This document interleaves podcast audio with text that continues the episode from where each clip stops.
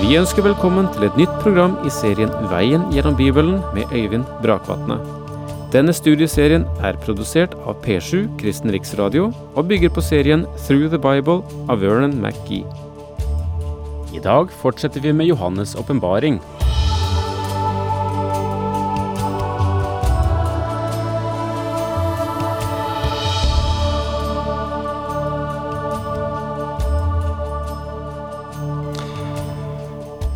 I åpenbaringsboken kapittel to og tre finner vi syv brev til syv menigheter. Og dette er ikke brev gitt av hvem som helst, men det er Herren selv som gir en karakteristikk av en menighet. Og derfor er den i alle deler sann, og den eh, er en skarp analyse av hver av disse menighetene. Jeg har sagt eh, at tallet syv kan også antyde fordi det var mange andre menigheter her som ikke fikk noe brev. Eh, så kan det tenkes at disse syv er plukket ut av en bestemt hensikt, nemlig også å gi et snitt av den historiske periode der menigheten befinner seg på jorden. Jeg sier at det kan tenkes. Eh, og vi er nå kommet til det siste brevet. Eh, brevet til Laudikea, altså det syvende brevet, som da, hvis vi ser det fra den siden, eh, ville være det brevet som er med å, å sluttføre menighetens tid på jorden. Altså være karakteristisk for eh, en del av, eller mye av, menighetsliv ved den tid når menighetsepoken går mot slutten. Vel, det er iallfall verd å reflektere over. Vi går inn igjen i eh, vers 15 og 16, som vi forlot da vi sa farvel til hverandre sist. Jeg vet om dine gjerninger, du er verken kald eller varm. Hadde du bare vært kald eller varm, men du er lunken, ikke kald og varm. Derfor vil jeg spytte deg ut av min munn. Og jeg fortalte litt sist om bakgrunnen for at disse ordene nettopp skrives til den menigheten som en karakteristikk. De kjente til dette. Eh, de visste hva han talte om, de hadde drukket lunkent vann i årevis.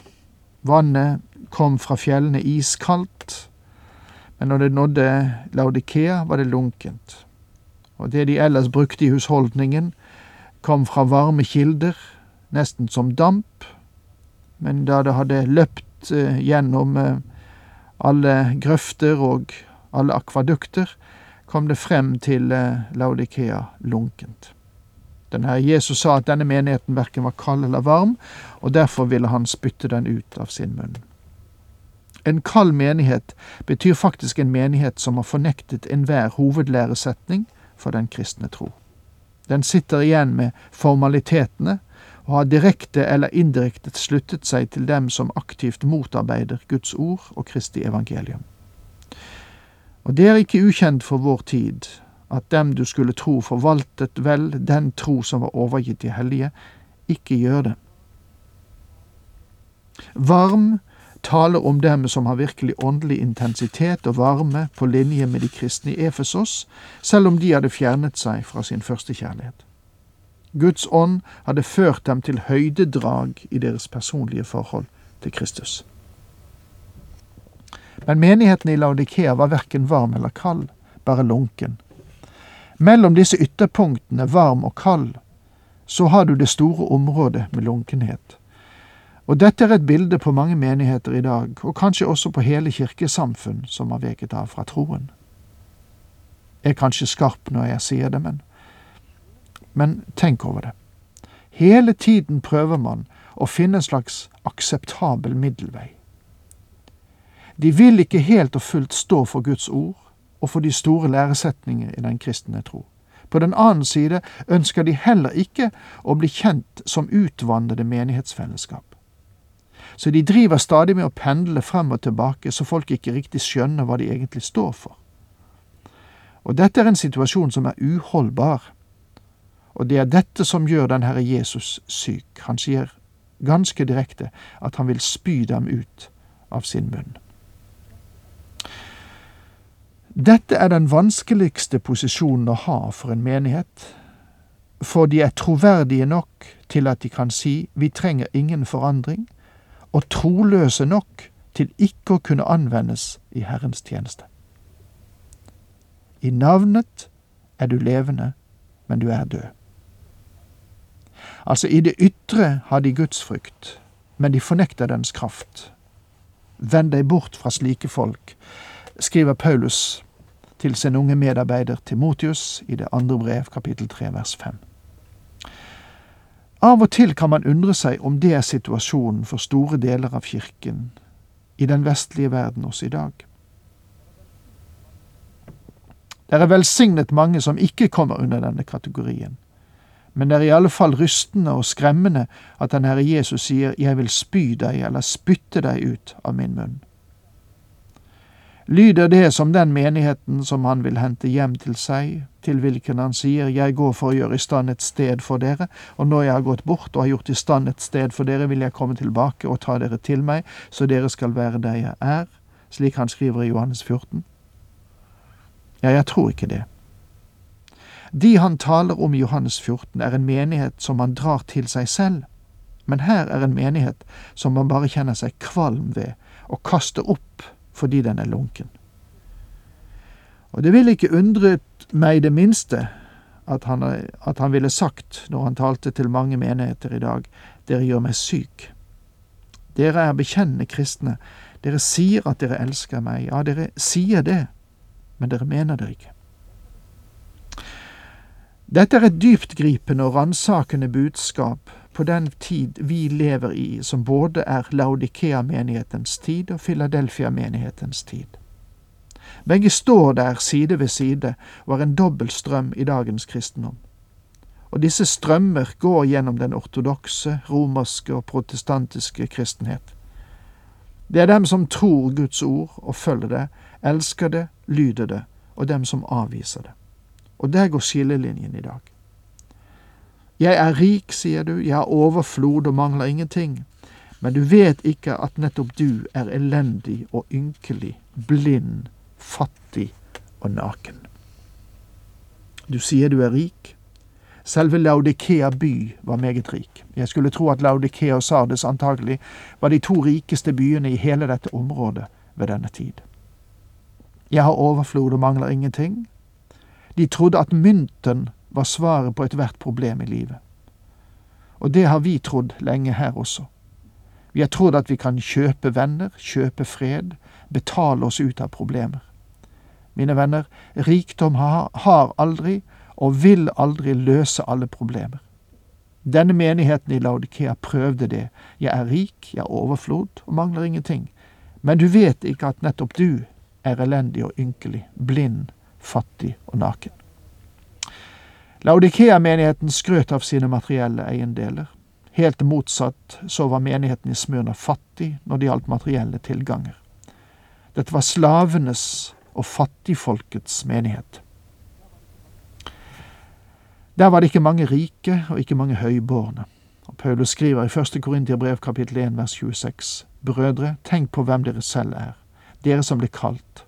Ikke mange vise, menneskelig talt, og ikke mange med makt, eller av fornem ett. Jordisk rikdom og suksess er nå og da målestokken også for den moderne kirke.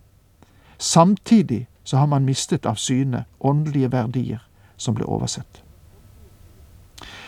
På den åndelige siden i hovedboken er menigheten i Laudikea den elendige. Den er mer ille ute enn noen av de andre seks menighetene og det er grunn til å beklage dem på grunn av dens åndelige fattigdom. I denne menigheten granskes ikke ordet, det er ingen kjærlighet til Kristus, og intet vitnesbyrd om Hans frelsende nåde, og likevel er den blind for sin egen situasjon. Den sanne situasjon. Inskripsjonen på katedralen i Lübeck i Tyskland bærer fremdeles sannhet i seg. Slik taler Kristus vår Herre til oss, står det. Dere kaller meg mester, men lyder meg ikke. Dere kaller meg lys og ser meg ikke. Dere kaller meg veien, men går meg ikke. Dere kaller meg livet, men velger meg ikke. Dere kaller meg visdom, men du følger meg ikke. Dere kaller meg fager, men elsker meg ikke. Dere kaller meg rik, men ber meg ikke om noe. Dere kaller meg evig, men søker meg ikke. Dere kaller meg edel, men tjener meg ikke. Dere kaller meg nådig, men stoler ikke på meg. Dere kaller meg mektig, men ærer meg ikke. Dere kaller meg rettferdig, men frykter meg ikke. Om jeg fordømmer dere, så gi meg ikke skylden. Ja, dette er et ord som ikke bare burde vært meislet på en katedral i Lybekk, men burde være meislet inn i våre hjerter. Og dette som er referert her, det er menigheten i Laudikea. Mine venner, vi lever i Laudikea-epoken oss i dag, der vi generelt sett svikter vårt vitnesbyrd til Guds frelsende nåde. Derfor gir jeg deg det råd at du kjøper gull av meg, lutret i ild, så du kan bli rik, og hvite klær som du kan kle deg med og skjule din nakne skam, og salve til å ha på øynene dine, så du kan se. Jeg gir deg det råd at du kjøper gull av meg, lutret i ild, så du kan bli rik. Det er Kristi dyrebare blod. Og hvite klær som du kan kle deg med og skjule din nakne skam, dette taler om Kristi rettferdighet. Og salve til å ha på øynene dine så du kan se, dette taler om Den hellige ånd som åpner den troendes øyne i dag. Denne appellen ble absolutt forstått i menigheten i Laudikea. Menigheten i Laudikea må lære at den er blind, men ikke enda uhelbredelig blind. Den lider av en sykdom og trenger medisinsk behandling. Men legene ved byens berømte medisinsk institutt kan ikke gjøre noe for dem. De medisiner de foreskriver, og som nå brukes over hele den siviliserte verden, vil være uten virkning for denne øyensykdom. Laudikea må kjøpe salve fra skaperen selv, til en pris som innebærer lidelse og utholdenhet. Alle som jeg har kjær, dem refser og tukter jeg, la det bli alvor å vende om.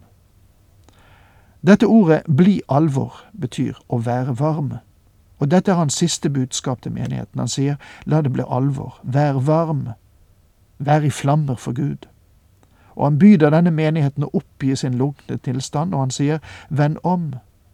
Denne menigheten trenger å vende om, og mer enn alle de andre. Og budskapet om omvendelse gjelder også nåtidens kirke. Men du vil ikke bli særlig populær om du forkynner det, det kan jeg forsikre deg.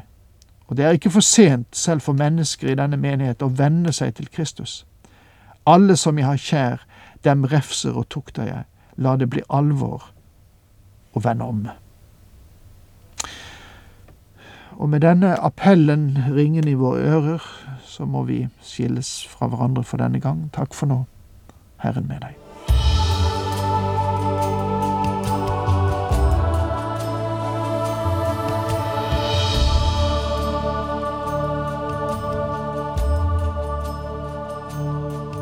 Du hørte Øyvind Brakvatne i studieserien Veien gjennom Bibelen.